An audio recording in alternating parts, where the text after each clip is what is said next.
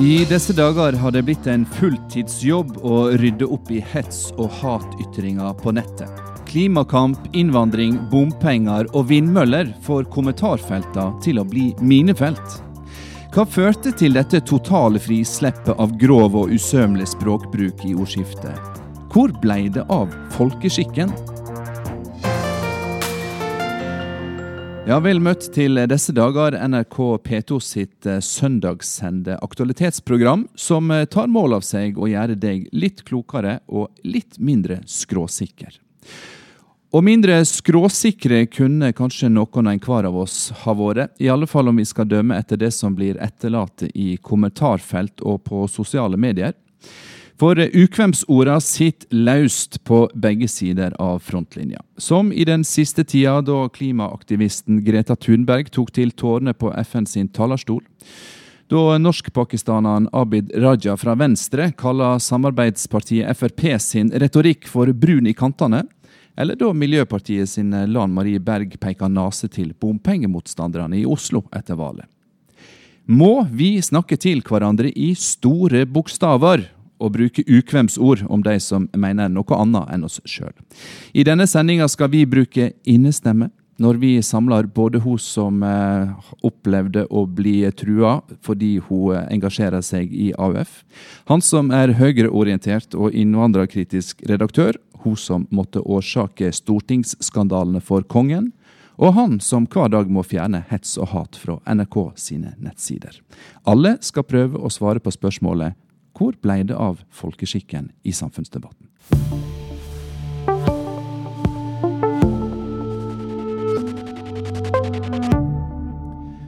Men aller først sier vi velkommen til hun som ble den første norsk-somalieren på Stortinget, og den første politikeren som sjekka inn på Løvebakken med hijab. Omtrent eh, slik hadde jeg tenkt å introdusere Mariann Hussein, som er Oslo SV sin tredje vara til Stortinget. I juni ble hun den første norsk-somalieren på Stortinget og den første folkevalgte med hijab. Men Mariann Hussein valgte å trekke seg fra denne sendinga fordi vi også har invitert redaktøren for den innvandrings- og islamkritiske nettstaden dokument.no, Hans Rustad, til disse dager. Mariann Hussein mener at Rustad med sitt virke har vært med å legitimere hatefulle ytringer av den typen som hun annet ble utsatt for da Dagbladet skrev om hennes inntreden på Stortinget. Dagbladet valgte å fjerne en Facebook-post om historisk Hussein fordi den inneholdt både hets, hat og drapstrusler. Men Mariann Hussein er slett ikke alene om å ha opplevd hets og hat på nett. Eh, nå skal vi ta inn nestlederen i AUF, Astrid Hoem.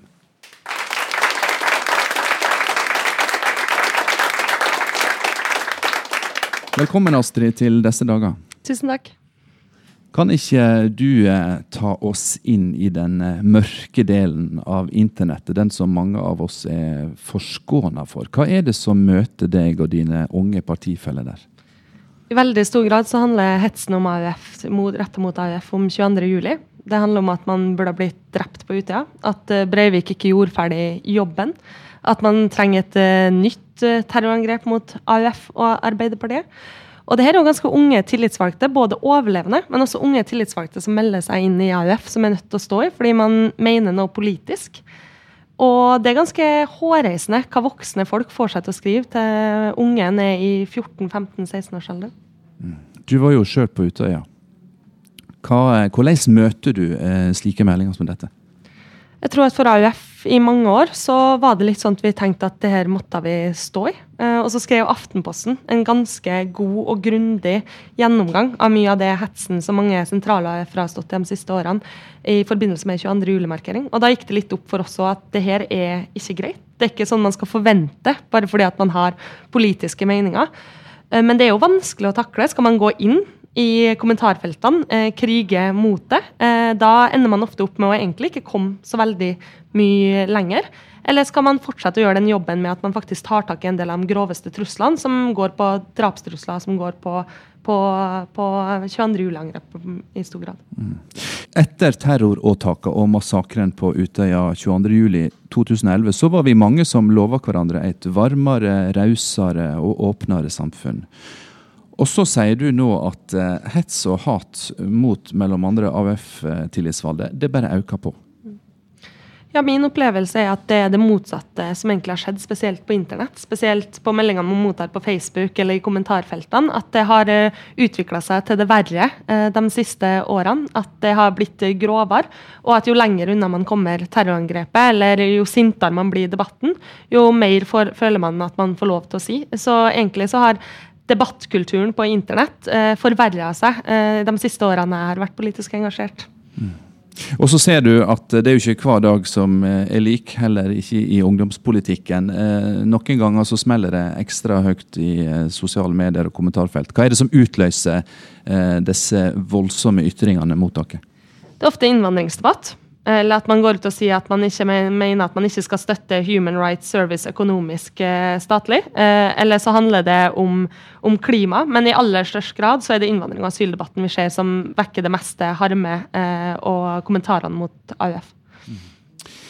Det har jo blitt en fulltidsjobb som jeg sa i sted, å rydde opp i hets og hat på nettet. Eh, vi skal nå snakke med han som har som jobb å rydde opp etter nettroller på NRK sine sosiale medier. Her er Fredrik Solbu Gyllumstrø fra NRK.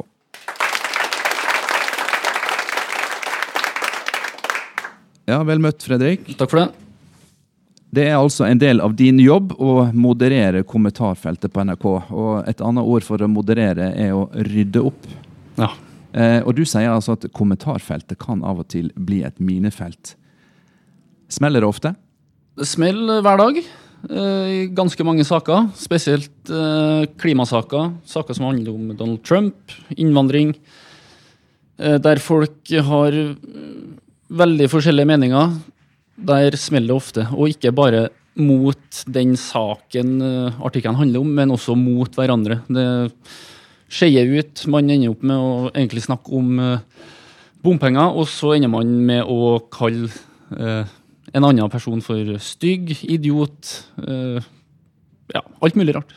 Karakteristikkene sitter løst, har jeg inntrykk av. De gjør det. Det er veldig mange som går på person av personangrep. Kaller noen for jævla soper, eller Skriv om eh, Greta Thunberg. Du skulle hatt juling i stedet for mat. Uh, Hitlerjugend til barn eller ungdom. Uh, hjernedøde skapninger. Hjernevaska snørrunger. Men hvem er det som, som, skriver dette, hvis vi skal orientere oss på den politiske høyre-venstre-aksen? Hvor, det, det, hvor er det verst, eller eventuelt er de like ille fra begge sider? Ja, det kommer fra begge kanter, det gjør det. Um, men, man merker spesielt i saker om, eh, om eh, klima, så er det eh, det er ikke nødvendigvis at man skriver noe stygt for at man mener at det er en klimabløff. Det kan like gjerne komme fra andre sida som er imot dem som mener at det er en klimabløff. Så det er ikke noe sånn at Jeg kan ikke stå her og si at det er enten høyre eller mest høyre eller mest venstresida. Det er egentlig alle som skriver, og jeg merker siste året nå så har vi vi har lagt ut, eh, vi legger ut flere poster på Facebook, noe som da ender igjen med at det er enda flere som eh, kommenterer. Og det siste året så har det eksplodert, mener jeg, ut ifra den jobben som jeg har. Folk som kommenterer. Så det har jo blitt nesten mer enn en heltidsjobb for oss. Vi er jo to stykker hver dag som sitter fra åtte om morgenen til ti på kvelden for å lese gjennom alle kommentarene som kommer på Facebooken. Og du sier at du er glad for at du har en såpass uh, solid hårmanke, fordi du river deg i håret veldig ofte. Hva, hva tenker du når du sitter og ser på, på disse ytringene som, som, strømmer inn hver eneste dag? Man blir jo nesten litt motløs til slutt, da. Man starter på jobb og ser at man kommer til titalls uleste Facebook-poster og gjerne hundrevis av kommentarer. Og jeg vet at inni der så er det ganske mange som eh, skriver ting som vi ikke tillater på vår Facebook-side. Ehm, jeg sier ikke at det, at det er alle, for det er absolutt mindretallet som skriver stygge ting. Får nesten litt vondt i magen noen ganger for at man må lese så mye som man ikke er vant med å se til vanlig. Da. Så før, eller Da jeg starta i NRK og med den jobben her, så var ikke jeg klar i det hele tatt over hvor mange som faktisk eh, kommenterer da, på Facebook. da. Og så er det jo slik at eh, mange mediehus har valgt å stenge ned kommentarfeltene sine på de ordinære nettsidene. Eh, rett og slett fordi at en ikke klarer å, å holde tritt med alt som fløymer over. Og dermed så er det da i sosiale medier og på Facebook-postene at folk eh, får utløp for meningene sine. Astrid, vi snakker om at ting har blitt verre. Du opplever at det har hardna til. Fredrik mener at det har blitt verre bare det siste året. Hva, hva er teorien din på årsakene til dette? Det er veldig vanskelig å si, men jeg tror at det er sånn at jo mer man har lov til å si det offentlige ordskiftet, jo mer flytter man også debatten. Og jeg tror jo at når vi har hatt en del runder eh, med ledende politikere som har tråkket debattstrikken ganske langt, så er det også med på å gjøre at man føler at det er mer greit å skrive enda drøyere ting. Så det er egentlig min analyse på det. Men det er veldig vanskelig å si hva som egentlig gjør at man føler at man kan skrive til til Greta Thunberg eller til andre engasjerte 15-16-åringer at uh, de ikke har rett til å engasjere seg, eller at de ikke burde få juling, eller burde blitt drept på Utøya 22. juli. Ja, fordi at ungdommen tar i bruk eh, kraftfulle ytringer og et eh, kanskje til og med litt overtydelig språk, det er jo ikke noe nytt. Men det at voksne engasjerer seg med såpass hva skal vi si, drøye tilbakemeldinger, da, det har vi ikke sett før. Uh, jeg, vet ikke om man har sett det før, men det jeg merker, det er at de dem som skriver noe, det kan være egentlig hvem som helst. Vi har jo muligheten, Jeg får jo se, det er jo fullt navn på Facebook. Og ofte da så kan det være at vi klikker på for å se hvem denne personen er. Og da er det jo mannen eller dama i gata. Kunne ha vært naboen min som skriver det. Så, så jeg føler jeg opplever at det kan være hvem som helst som skriver det. Det er ikke tillagt én spesiell gruppe. Du nevnte i stad eh, noen dømmer på hva du må eh, rydde vekk, eh, som blir sett på hadde nær sagt på trykk på Facebook-sidene til NRK. Eh, du skrev en kronikk for noen dager siden der du hadde flere kraftfulle dømmer. Kan vi få høre noen av dem, Fredrik? Ja, det Skal vi se her, da. Uten tvil en svartskalle. Eh, kom dere hjem til landet deres. Dette er til innvandrere. Eh, de bråker døgnet rundt. Vi har til til barn som eh, vil at det skal bli et bedre klima. Der er det Hitlerjugend, hjernedøde skapninger, hjernevasker. Dere burde ha fått hår på musa før dere setter i gang slik haraball. Um, ja, det, det, er så, det, er så, mye å ta av. At, uh, og spesielt den, de stygge ordene mot andre. Da. Det har blitt liksom litt dagligdags også for oss å se det. Astrid, det har tidligere vært snakk om at eh, hat og hets på nett er en trussel mot demokratiet, fordi folk kan vegre seg for å engasjere seg politisk. Ser dere noe til det i AUF? Heldigvis så ser vi ikke så tydelig at, uh, at, det går utover det politiske engasjementet, men jeg er veldig redd for at det skal gjøre det. Og jeg er veldig redd for hva vi egentlig sier til unge som engasjerer seg, at du er nødt til å stå i, at du er nødt til å tåle. Når voksne skriver det, og man ser på andre sider at man kanskje ikke tar nok tak i det, så sier man jo egentlig til unge at det her må du tåle hvis du skal være politisk engasjert. Og vi har jo ikke noe oversikt over hvem som kanskje nettopp ikke har valgt å gå inn i politikken eller organisere seg fordi at de står på utsida og ser på hvordan man opplever hvis man er minoritet, hvis man er kvinne, hvis man er ung, som ofte er dem som òg eh, får den hetsen i aller størst grad. Fredrik, eh, du eh, fortalte at du i lengre tid har prøvd å få kontakt med de som fyrer av eh, grovt skyts mot spesielt klimaengasjert ungdom, Greta Thunberg og andre, for å få til et intervju med deg. Hvordan har det gått? Det har gått uh, dårlig. Vi har uh, fått vi har snakka med to personer som har eh, sagt eh, ja, men vi har eh, ringt til titallsvis. Fortalt at vi lager en reportasje om engasjementet rundt klima, og at de har engasjert seg i vår Facebook-tråd. Og spurt om de er villige til å stille opp på et intervju og fortelle hvorfor de har skrevet det de har skrevet. Og da er det ja, det er én som har stilt opp på kamera, og resten har sagt nei. Ok, Så vi får antageligvis ikke noe intervju fra den kanten? Eller? Uh, du har fremdeles håp om at den ene stiller? Vi har fremdeles håp at vi skal få til noen til, men det er et uh, tidkrevende arbeid å få noen til å vil stille opp. da. Så vi har foreløpig to personer. Astrid, um, du sier at ting har blitt verre. Er vi nå inne på en vei som fører oss inn i et terreng vi ikke kommer ut av? Eller fins det håp om at vi kan lande dette på på håndterlig vis?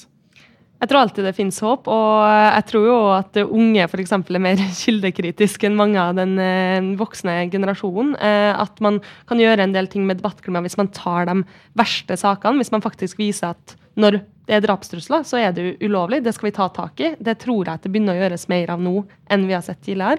Uh, og at man faktisk setter noen litt sånn harde regler og krav til hva vi forventer av det offentlige ordskiftet. Og da mener jeg ikke at man skal lukke nødvendigvis debattforumene, men at man er, gjør sånn som man gjør i NRK, er tydelig, sletter, kommenterer, svarer tilbake. At man tar det samfunnsansvaret som jeg tror i veldig lang tid, og i mange kommentarfelt fortsatt er der, at man ikke tar tak i det. Astrid Hoem fra AUF, takk for at du kom til disse dager. Takk også til Fredrik Solbu Gyllumstrud, journalist i NRK. Nå har vi fått et inntrykk av hvor kraftig det kan smelle når kommentarfeltet blir et minefelt. Straks i disse dager på NRK P2 får vi inn redaktøren for den innvandrings- og islamkritiske nettstedet dokument.no og direktøren for Fritt Ord, når vi spør hvorfor grensene har blitt flytta for hva som er greit å si om hverandre. Hei. Jeg kommer fra disse dager i NRK P2. Jeg lurte på om jeg kunne stille deg et spørsmål. Okay.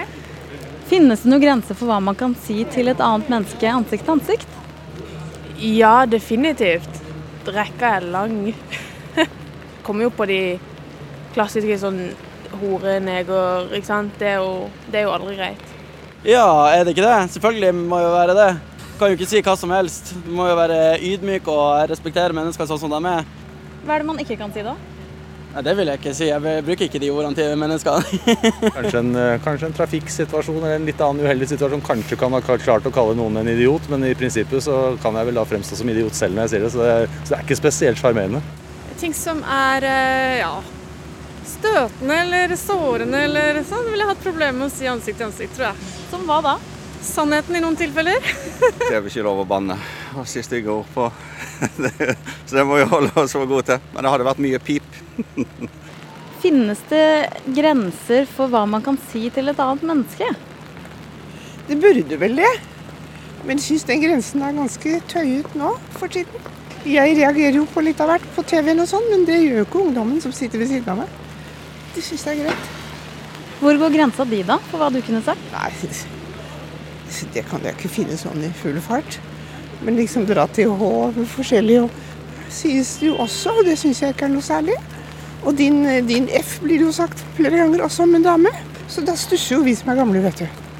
Ja, ja jeg syns det burde være en grense.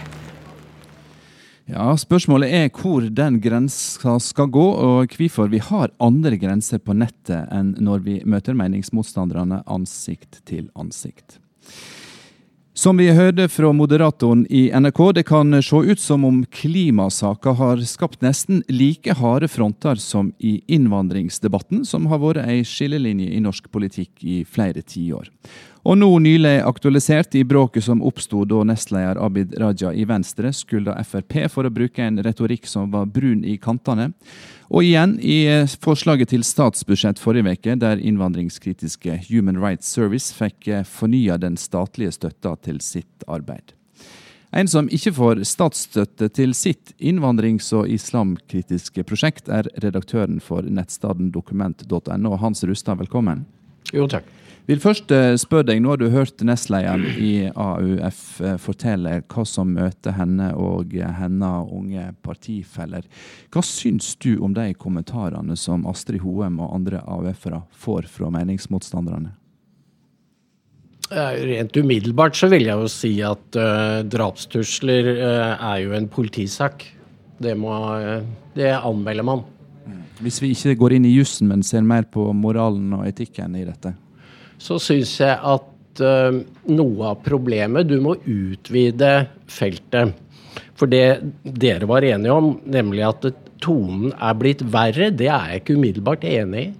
Uh, jeg syns uh, vi har i hvert fall opplever at det er en opplyst, kritisk offentlighet som har forstått at hvis du skal nå frem og ikke kompromittere de du skriver under, så må du oppføre deg med en viss anstendighet. Du skrev i en kronikk at det har gått opp for oss, altså dokument.no, mitt tillegg, at man må markere noen grenser. Språkbruk er et av dem. Ja. Hvorfor er det nødvendig? Fordi at polarisering Det snakket vi om før denne sendingen. Vesten er polarisert. Ikke sant? Islam er i krig med Vesten, men det er også i krig med seg selv. Vesten er i krig med seg selv. Det er så mange konfliktlinjer. Og du må kunne skille på når Hva er sak? Hva er et saklig innhold? Hva er et vulgært språk? Hva er et usaklig språk? Der, altså Folkeskikk, som var tema her, er så mangt. Men vi oppdaget at vi måtte trekke noen grenser, og de gikk jo ved politiske spørsmål. F.eks. For i forhold til Putin, i forhold til Assad. Vi skal snakke mer om grenser. Eh, Først et eh, sitat. Jeg er djupt uenig i det du sier, men vil til min død forsvare din rett til å si det. Det er noe nær en læresetning om ytringsfridom som blir tillagt den franske forfatteren Voltaire. Men det kan også tenkes å være et motto for eh, neste gjest. Direktøren i Fritt Ord, Knut Olav Åmås, velkommen til deg òg. Rustad her er opptatt av at eh, han holder seg med et eh, anstendig språk. Um, kan sånne som Rustad, som holder seg med et, et anstendig språk i sin islamkritisk, også sies å legitimere eh, den eh, type ytringer som vi hørte moderatoren fra NRK.no og AUF eh, sitere? Det, det er et komplisert spørsmål. Her må man se på konkrete eksempler og lese hvert enkelt nettsted. Trakassering, hets, grensene til trusler er et problem først og fremst på ganske mange Facebook-tråder. Også en del av de etablerte medienes Facebook-sider. Eh, Og så er det et stort problem på, på en del av de mer rufsete, ure, mer eller mindre uredigerte mediene. F.eks. kommentarfeltene til, til Resett. Så um, her må man gå inn og være konkret. Og, og fortsatt er det sånn at det aller meste som skjer i, i eh, sosiale medier og nettdebattuniverset, er ganske greit. Så uh, problemene, har, uh, problemene er alvorlige, men de har også et begrensa omfang. Men du har likevel skrevet at uh, offentligheten har blitt ei slagmark, og vi har bare sett starten. Hva mener du med det? Jeg mener at uh, på, på en del felter så, så er uh, den mer eller mindre uredigerte samfunnsdebatten blitt helt overspent fra flere sider. Det gjelder det jeg kaller de tre i-ene. Alle debatter som har med innvandring, integrering og islam å gjøre. og klima også, som vi har nevnt tidligere i sendinger. Men det finnes flere. Alt som har med kjønn å gjøre. Vaksiner, barnevern. I alle disse debattene er det en særdeles tøff tone. og Konspirasjonsteorier og, og løgner florerer, og tonen blir eh, spesielt eh, tøff. Og, og det, er litt, eh, det er litt underlig i eh, et av de land i verden som har den åpneste pressen og det, og det best velfungerende demokratiet. Det er litt underlig. Nå snakker du om de uredigerte mediene, altså de som ikke holder seg med en redaktør. Rustad, du er redaktør og ble i fjor tatt opp som eh, medlem i Redaktørforeningen. Også det vekte jo eh, for å si det slik. Eh, så du forholder deg både til Vær varsom-plakaten og Redaktørplakaten. Hva er det du ikke slipper inn der med henvisning til Redaktørplakaten? Eh, Altså, det er, eh, for å si det sånn, vanlig folkeskikk. eh, Lang erfaring i å vurdere hva som er seriøst. Noe av problemet, som blir stadig tydeligere for meg, er at MSM, altså hovedstrømsmediene, har en virkelighetsoppfatning som blir mer og mer utrert. Det høres kanskje ut som selvskryt, men altså, vi er faktisk ikke alternative medier lenger, fordi det er hovedstrømsmediene som befinner seg i en alternativ virkelighet. Og det har jeg eh, lært gjennom å følge amerikansk politikk nå i fire år. Fordi det er ikke mulig å forstå USAs, Trumps USA ved å lese eller høre på norske medier. Til liks med i USA så er det mange i Norge som har eh, sosiale medier som hovedleverandør av nyheter, og også bruker det som hovedplattform for debatt.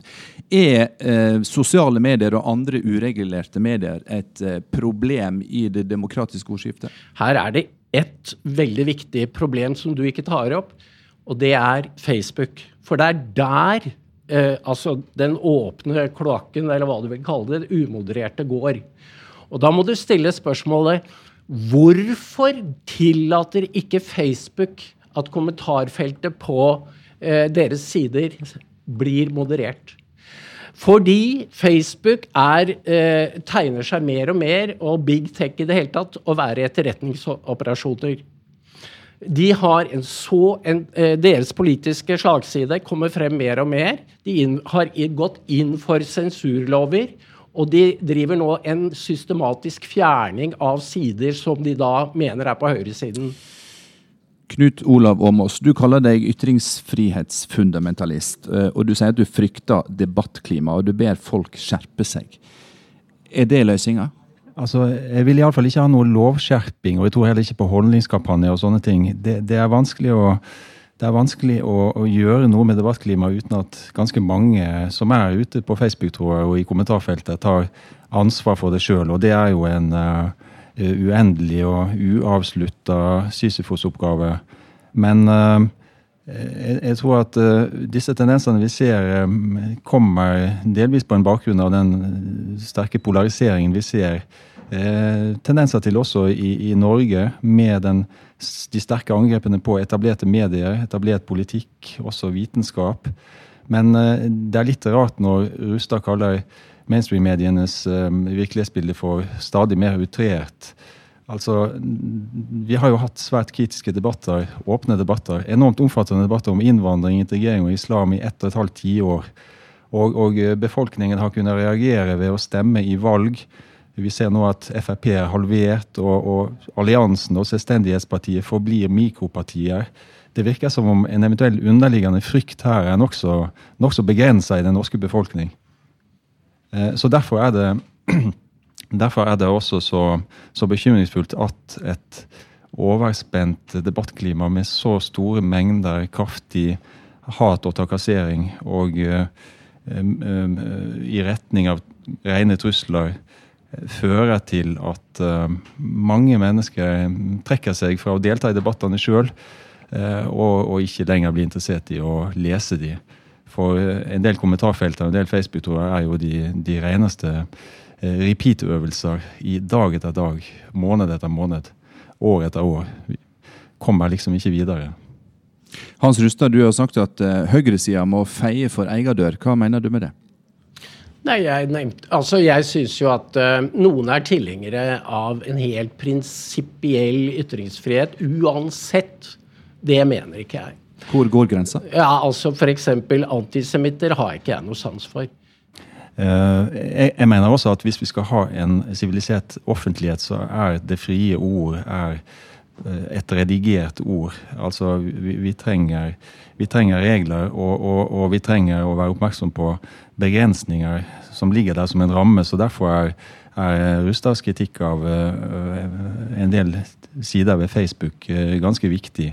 Teknologigigantene legger i urovekkende grad rammer for offentlig debatt. Og Synd derfor at norske medier, de fleste, har gitt opp sine egne kommentarfelter og satt de ut på en måte til Facebook. Og, og mange medier gjør en for, for, dårlig jobb med å rydde opp i sine egne Facebook-tråder. Og det er bekymringsfullt. Språklig søppel kaller tidligere statsminister Kjell Magne Bondevik eh, en del av det som rører seg ute i kommentarfeltene, og mente at dette truger demokratiet. Eh, er ikke det i seg sjøl udemokratisk å kalle frie ytringer for eh, søppel om oss? Jeg bruker aldri ord som kloak, verken kloakk eller søppel om offentlig debatt eller debattanter. Jeg syns det er eh, trist. Jeg syns også det er trist, denne sterke tendensen til no platforming, scenenekt, som vi ser, som fører til, sånn som i denne sendinga, at en person, en politiker med verv, ikke vil stille til en offentlig samtale. Eh, det er, det er også en bekymringsfull utvikling. Irrasjonell. Den bryter samtalen og fornuftig diskusjon. Men eh, det er opp til hver enkelt hva man vil stille på. Takk i alle fall for at du, Knut Olav Åmås, direktør i Fritt Ord, kom til disse dager, og Hans Rustad, redaktør i nettstedet dokument.no.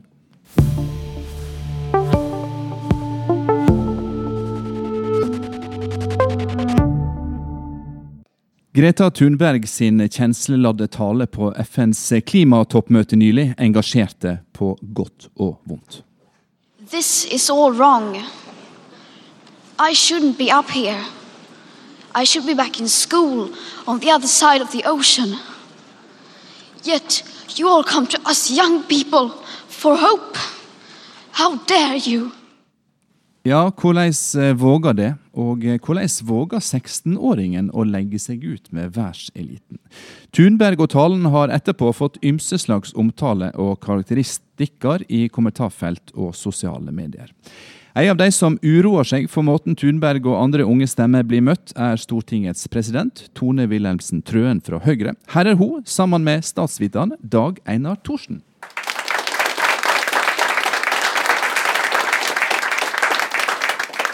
Velkommen, eh, Tone, til den bolken som vi har kalla tonen i debatten, kledelig nok. Tusen takk.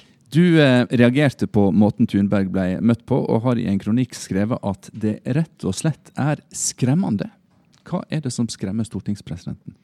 Jeg syns det er et, eh, og kan være et stort demokratisk problem hvis eh, voksne møter barn og unges eh, engasjement i samfunnet med, med hersketeknikker og med å hetse og trakassere. Da kan vi oppleve at unge stemmer stilner. Det er det siste vi trenger. Vi trenger ungdom som uh, sier hva de mener, som debatterer. Og mange av de er jo svært dyktige til nettopp å føre en veldig faglig basert, saklig debatt. Det er kanskje de voksne som uh, skorter litt på det når de kommenterer uh, fagkunnskapen og meningene til, til unge. Mm. Det er mange som tilsynelatende blir provoserte av Greta Thunberg. Og det er mange som ser ut også til å være provosert av klimastreikende ungdom. Eh, ligger det noe i problemet her at, at det, det, er provokasjoner, kanskje ikke alltid i språkdrakta, men, men det er provokasjonene som gjør at dette går av sporet? Ja, altså det, det, må man jo egentlig spørre de som kommenterer om. Eh, jeg syns veldig ofte det går igjen at man ikke diskutere sak. At man ikke går inn og faktisk eh, diskuterer med de unge, som jo er veldig kunnskapsrike, som har satt seg veldig nøye inn i eh, de spørsmålene som de ønsker å eh, bringe ut da, i samfunnsdebatten. Og da, da, er jo, da, er vi jo, rett og slett veldig dårlige som, som voksne forbilder hvis vi begynner å diskutere at de er barn, eh, eller eh, karakteriserer de mer som personer. Mye mer enn å ta de på alvor og diskutere det de faktisk mener. Og klimakampen til barn og unge er jo ett eksempel på det. Mm. Du sier at voksne er forbilder, og hvis en har plass på Stortinget, eller til og med er president på Stortinget, så er en jo et ekstra stort forbilde. Hvordan syns du stortingsrepresentantene fyller den rolla? Altså Min oppgave som stortingspresident er å være en slags, eh, kall det overdommer i stortingssalen. Eh, jeg har en forretningsorden jeg skal, eh, skal lede debattene etter, og har da veldig klare rammer for, for, hva vi tillater av ytringer. Altså, og hvordan man, hvordan man, fører debatten inne i stortingssalen. Mm. Og det blir også lytta til det du sier i det offentlige rom om disse tinga? Ja, det er, jo, det er jo fint, det. Jeg er veldig tydelig på at jeg mener at eh, en eh, god samfunnsdebatt blir eh, bedre når vi behandler hverandre med respekt. Når vi skal ha sterke meningsbrytninger, vi skal være rivende uenige. Men, men å gå til karakteristikker av hverandre, gå til teknikker som, som er hersete, eller som, som, på en måte ikke handler om det, det temaet er på, og så langt som å være truende, eh, det, da mener jeg at da, da, da, må jeg også kunne si fra. Jeg mener at vi ikke bygger tillit heller. Eh, I dette flotte demokratiet vårt, eh, som vi må ta vare på, dersom politikere ikke behandler hverandre med respekt. Dag Einar Thorsen, du er førsteamanuensis i statsvitenskap ved Universitetet i Sørøst-Norge. Hva vil du si at norske politikere har lært oss om eh, debattform og argumentasjon? Jeg vil jo kanskje si at uh, utviklingen de senere tiårene har gått i en skarpere retning også i de politiske debattene. I hvert fall i de debattene som foregår i det offentlige rommet. Uh, litt annerledes og atskillig mer sivilisert på Stortinget og i andre folkevalgte forsamlinger rundt omkring i landet. Men eh, i debattene, særlig i debattprogrammene, så ser man jo eh, en tendens i retning av at eh, politikerne møter hverandre med ferdigtygde resonnementer. Med en holdning hvor de allerede har konkludert, og at de har rett uansett. Og hvor, og hvor det ikke er rom for tvil, ikke er rom for å skifte mening, og ikke er rom for å inngå i en samtale med hverandre. Eh, I stedet så har nok, eh, i det offentlige rom, så har nok den politiske eh, debatten gått fra å være en mer åpen diskusjon til å bli nettopp en debatt hvor, hvor man møter hverandre med ferdige konklusjoner. Jeg vokste opp med de nærmest, nærmest ekteskapelige kranglene mellom Gro Harlem Brundtland og Kåre Willoch på 80-tallet. Og nå sier Thorsen at rammene har blitt utvida. Da lurer jeg på, um, Tone Trøen, hva er det som har eh, utvida disse rammene, tror du? Nei, altså jeg er eh, Jeg vet ikke om jeg er helt, eh, helt enig i, eh, i, dette. Fordi jeg tror at til enhver tid så har politisk debatt vært ganske hard. Hvis du leser referatet fra Stortinget fra langt tilbake i, i tid, så, så, gikk det ikke av veien for å, for å fornærme hverandre litt den gangen heller. Men, men, jeg er veldig enig i at de Jeg tror de som lytter til debatter, da hva det nå enn måtte være, Dagsnytt 18 f.eks. på NRK, de har nok veldig stort utbytte når politikere innimellom dveler litt. Eh, ved sine argumenter eh, er ydmyke overfor at eh, saker kan ses fra flere sider. Men samtidig så er det jo Altså, politikk er uenighet. Politikk er meningsbryting. Politikk er å finne fram til et flertall og et mindretall, og det vil jo alltid være uenighet i en politisk debatt. Poenget mitt er at den debatten blir bare så mye bedre hvis vi oppfører oss respektfullt overfor hverandre. Det er ikke usemja vi snakker om i dag, men det er måten vi er usamde om, og orda vi bruker både til og om hverandre. Thorsen, polarisering er et stikkord. Er språket i seg sjøl polariserende, eller er det polariseringa som har gitt oss hardere, en hardere ordbruk? Jeg vil jo si at det er nok en kjensgjerning at uh, debatten har blitt hardere, og at uh, språkbruken også har blitt hardere uh, de senere årene i en lang rekke sammenhenger. Og Hvis jeg skal driste meg til en forklaring, så tror jeg nok at Eh, hovedårsaken til det er en, eh, at eh, mediene er preget av en underholdningslogikk. Eh, der eh, tidligere ambisjoner om å eh, drive med folkeopplysning har blitt stukket litt i bakgrunnen, og at det dreier seg mer om å vise fram motsetningene, om at de politiske debattene er en form for eh, underholdning, en slags gladiatorkamp, eh, hvor, eh, hvor eh, meningsmotstanderne skal vinne over motparten, i stedet for å ha det som den britiske filosofen Carl Popper sa vi skulle, burde ha som utgangspunkt, nemlig sentensen 'Jeg kan ta feil, og du kan ha rett, men sammen kan vi finne nærmere sannheten'. Det er jo nesten rørende. Tone Trøen, eh, stortingspresident. Eh, I din første tale til Hans Majestet Kongen under stortingsmiddagen på Slottet, så framførte du rett nok i litt humoristiske eh, ordelag det som kunne tolkes som en årsaking for de mange skandalene i og rundt Stortinget og de folkevalgte på den tida. Burde det også ha årsaka språkbruken og den tonen som det bidrar til å sette i samfunnsdebatten av og til?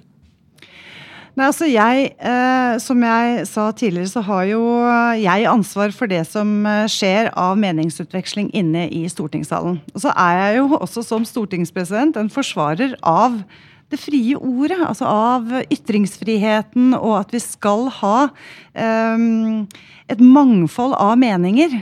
Eh, det jeg er opptatt av, eh, det er at vi kan kombinere det med å behandle hverandre ordentlig. Eh, og så eh, skal ikke jeg være den som som er dommer over de ytringer som politikere eller andre som deltar i samfunnsdebatten, bruker. jeg mener bare at vårt samfunn trenger en mindre polarisert debatt i årene framover enn en mer polarisert debatt. Og at eh, vi som politikere da er viktige forbilder og bør gjøre vår del av den jobben. Du hører på disse dager i NRK P2, og i dag spør vi hvor eh, ble det av folkeskikken i det offentlige ordskiftet? Og eh, hva som er greit og ikke greit å si fra Stortingets talerstol, det finnes det regler for. Og den som bryter reglene, blir klubba ned av presidenten. Stortingets møte er lovlig satt. Er han da på bærtur, eller har han glemt den rød-grønne versjonen av fordelingspolitikk? Presidenten er svært i tvil om ordet bærtur er et eh, parlamentarisk uh, uttrykk. Presidenten vil bare bemerke at Molbo-politikk er et uparlamentarisk uh, uttrykk. Presidenten ville nok kanskje brukt et mer parlamentarisk uttrykk enn tull. Det siste jeg har registrert fra Jens Stoltenberg og onkel Skrue i regjeringa, altså finansminister Sigbjørn Johnsen. Presidenten må få lov til å bemerke at det å omtale statsråder med navn av tegneseriefigurer er åpenbart ikke er eh, parlamentarisk riktig. President, Fremskrittspartiets bomløfter må være århundrets velgerbløff. Løftet var ingenting verdt. Det var juks og bedrag. Presidenten vil bemerke at ord som bløff, juks og bedrag ligger nok i grenselandet for hva som er parlamentarisk. Og Dermed vil salen i dag stemme ned et forslag det i realiteten er flertall for, i en litt corny førjulsoppvisning i parlamentarisk politikk. Men representanten Valen snakket om at det ble fremmet corny forslag. Eh, og Det mener jeg er et godt parlamentarisk uttrykk. eh, president. Så jeg, jeg stemmer for corny som parlamentarisk uttrykk. Presidenten vil for ordens skyld eh, bemerke at uh, hva, vurderingen av hva som er parlamentarisk uttrykk, er et anliggende for presidenten alene. Ja, Hva som er innafor eller utafor, det er det stortingspresidenten som avgjør. Og eh, stortingspresidenten, det er Tone Wilhelmsen Trøen. Når vi hører på disse dømer på det som ikke er parlamentarisk språkbruk, så tenker jeg, er ikke dette et klenodium i vår tid? Nei, jeg syns ikke det. Vi er veldig tydelige på at upassende og fornærmende atferd eh, og karakteristikker av hverandre ikke er eh, det vi ønsker i stortingssalen. Jeg mener at eh, det går fint an å å ha sterke politiske meninger og debattere uten at man behøver å bruke karakteristikker om hverandre. Eller, eller ord som, som, vi da oppfatter som uparlamentarisk. Men så er det alltid sånn at en må liksom se litt an i hvilken sammenheng, altså hvilken kontekst det sies. Og det er jo viktig også at vi har uh, gode debatter i stortingssalen som, uh, som uh, viser meningsforskjeller.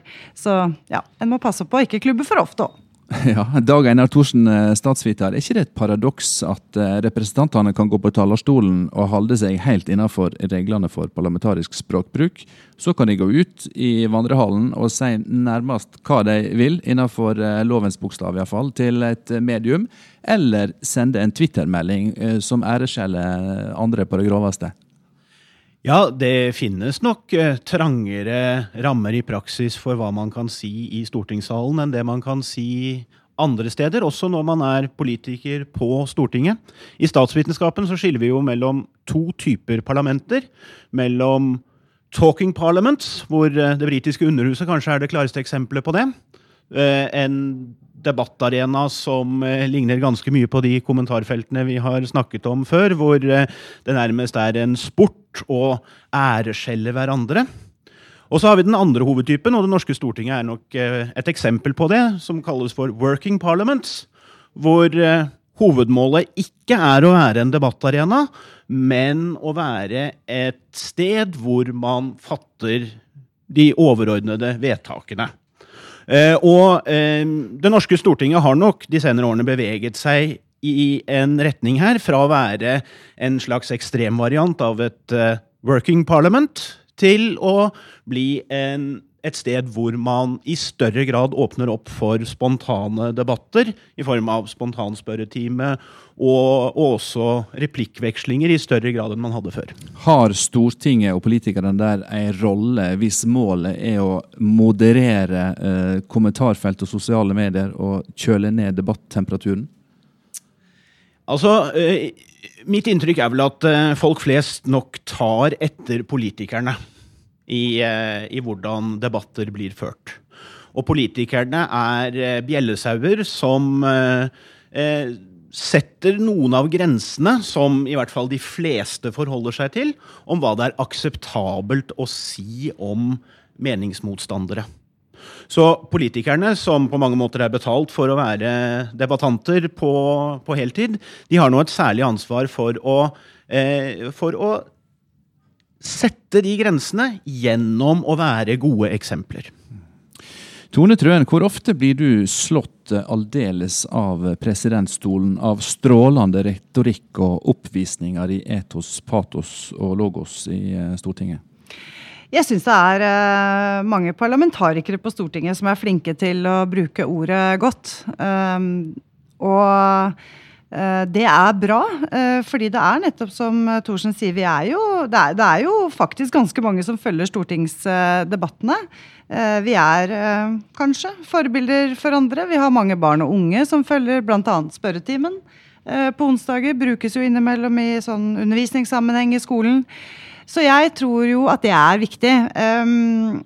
Så håper jeg ikke, og jeg tror ikke, at det at vi har en relativt um, streng uh, regel for hva man kan uh, si, er på noen måte med på å gjøre det mindre aktuelt å være en god retoriker også i Stortinget. Jeg spør fordi retorikk er neste fag på timeplanen her i disse dager, når vi trekker linja tilbake til antikkens Hellas og spør om samfunnsdebatten hadde blitt sunnere og bedre om alt hadde blitt helt gresk. Takk til stortingspresidenten Tone Trøen og eh, statsviter eh, Dag Einar Thorsen.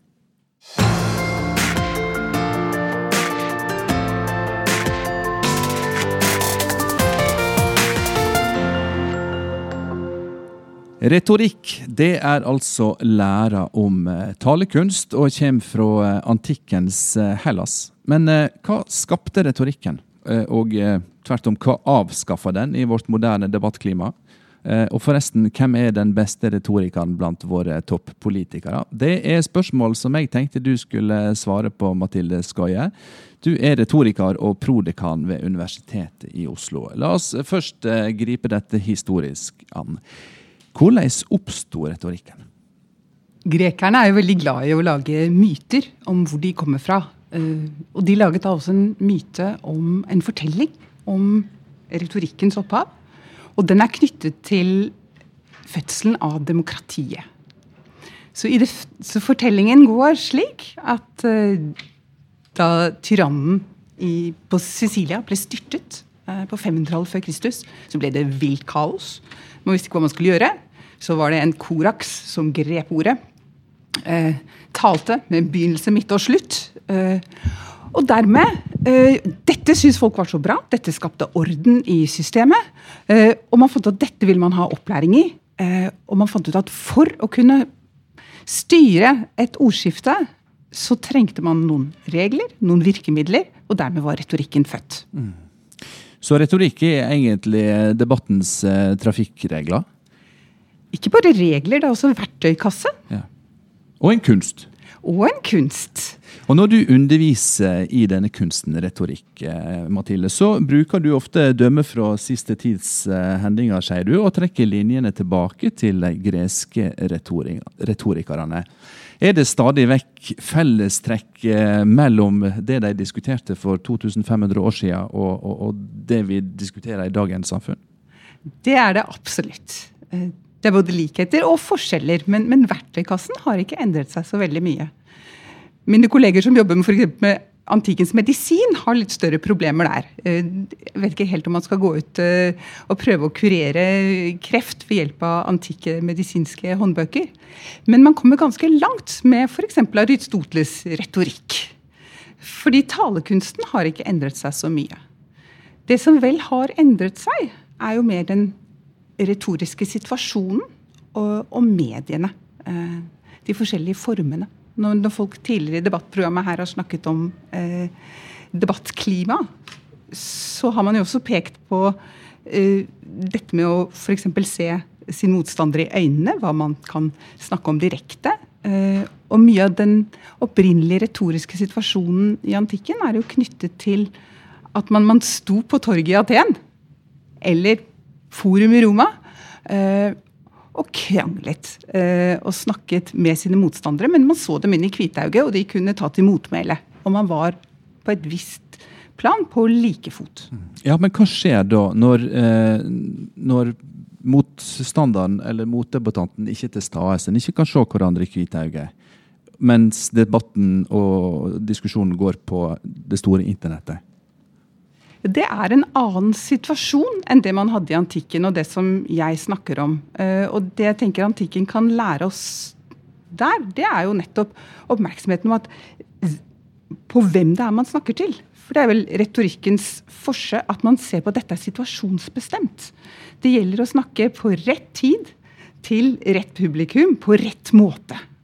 Uh, og du skal snakke i forhold til saken. Er det en krise, så bruker du høystemt retorikk. Uh, er det noe annet, så legger du deg på et litt annet nivå. Uh, men det kan være et problem når man f.eks.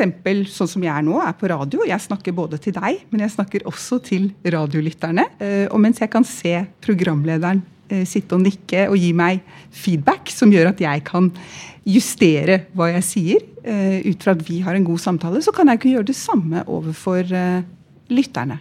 Så mens jeg står og nikker til deg og smiler lett, så kan det være at radiopublikum sitter og rister på hodet, men du blir ikke sett ut av det?